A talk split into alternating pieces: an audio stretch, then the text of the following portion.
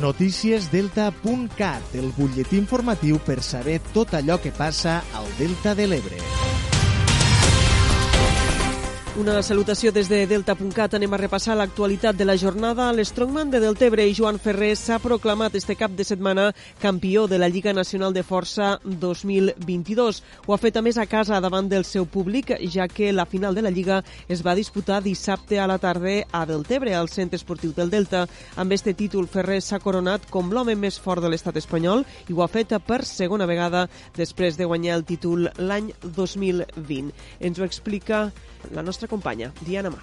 Strongman de Deltebre Joan Ferrer ha revalidat el títol aconseguit el 2020 al convertir-se en campió de la Lliga Nacional de Força 2022, celebrada a Deltebre aquest dissabte passat.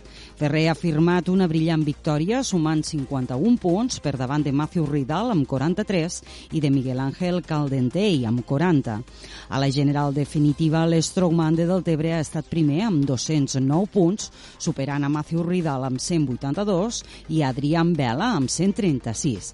Ferrer ens explica com se sent i el que ha representat jugar-se el títol de l'home més fort a nivell nacional a casa. L'escoltem. Pues el campionat, la valoració és extremadament positiva. Eh, més enllà d'haver pogut finalment guanyar el campionat i guanyar la Lliga Nacional de Força, haver-ho fet a casa és el més especial i les sensacions viscudes han sigut, la veritat, molt difícils d'explicar perquè la veritat és que el poble i les terres de l'Ebre se van volcar, van omplir el pavelló, o sigui, no cabia ningú i la veritat molt, molt content per la resposta.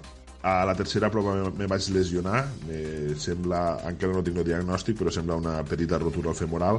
I la quinta prova, que era l'aixecament de, de pedres, bueno, no feia falta fer res, perquè ja estava tota la feina feta, però vaig decidir almenys eh, ficar la primera pedra, la de l'honor, i així tancar la competició.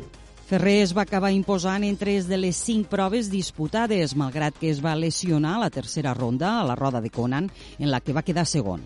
L'Strongman de Deltebre es va imposar a les proves d'aixecament de cilindre, prova en la que va arribar a aixecar 147,5 quilos, a la de transport de jou i a la de volteig de pneumàtics. En la última prova, l'aixecament de boles LNF, ja lesionat i amb els punts necessaris per proclamar-se campió, va ocupar la sexta posició. Ferrer, després de guanyar la Lliga Nacional de Força 2022, ha confirmat que competirà un any més.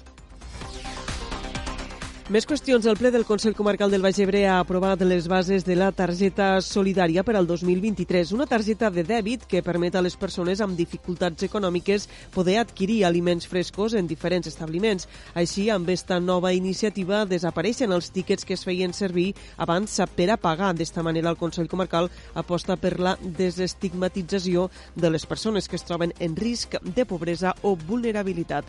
Escoltem Xavier Faura, president del Consell Comarcal. Abans era un sistema on hi havia uns tíquets que tenien que anar a botigues en concret, comprar pues, els productes frescos. Ara, les persones afectades poden anar a qualsevol eh, dels establiments que, que admetin targetes de dèbit, que són pràcticament tots. En això que aconseguim?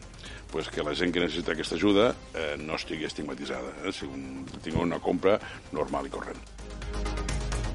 Per a aquesta iniciativa, el Consell Comarcal del Baix Ebre destinarà enguany prop de 58.000 euros. Les persones que sol·liciten esta targeta tindran un ajut d'entre 150 i 200 euros. I un últim apunt, ja que l'Ajuntament de Deltebre forma part del projecte Primera Experiència en Administracions Públiques, el qual ofereix un contracte anual a l'Ajuntament de Deltebre a joves en pràctiques. En total s'ofereixen fins a 5 ofertes, 3 contractes d'auxiliar administratiu, un contracte en gestió d'entorns naturals i un contracte en competències digitals. Els requisits per accedir a aquestes ofertes de treball és tenir entre 16 i 30 anys d'edat i estar inscrit com a persona desocupada i com a demandant d'ocupació al SOC el dia anterior a l'inici del contracte. I així acabem. Ja saben, com sempre, que poden continuar informats a través del portal deltacat.cat.